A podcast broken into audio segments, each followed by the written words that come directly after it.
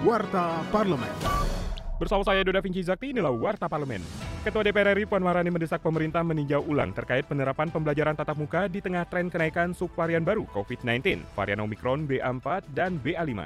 Menurut politisi praksi PD Perjuangan itu, untuk mengantisipasi peningkatan kasus terhadap anak, pemerintah harus mengoptimalkan penerapan protokol kesehatan. Puan juga meminta Satgas Penanganan COVID-19 meningkatkan testing, tracing, dan treatment agar laju kenaikan kasus bisa ditekan semaksimal mungkin.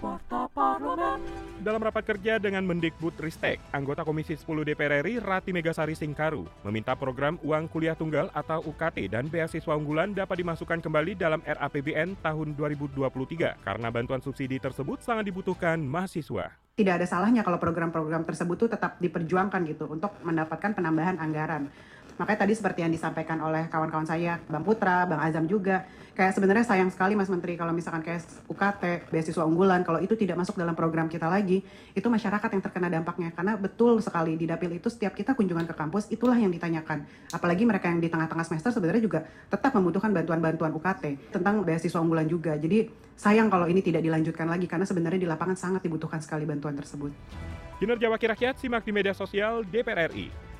Sekjen DPR RI melalui TV dan Radio Parlemen kembali mengadakan Lomba Orasi Bintang Orator atau LOBO. Lomba kali ini mengajak publik untuk memberikan masukan terhadap rancangan Undang-Undang Nomor 35 Tahun 2009 tentang narkotika yang sedang dibahas di Komisi 3 DPR. Mahasiswa, siswa, dan masyarakat umum dapat memberikan masukannya melalui orasi dalam bentuk video berdurasi 5 menit dengan mendaftarkan diri melalui email bintangorator@dpr.go.id. Pendaftaran ditutup tanggal 27 Juli yang akan datang. Informasi lebih lanjut pantau media sosial DPR RI. Televisi Radio Parlemen. Demikian Warta Parlemen, Produksi TV dan Radio Parlemen. Biro Pemberitaan Parlemen, Sekjen DPR RI.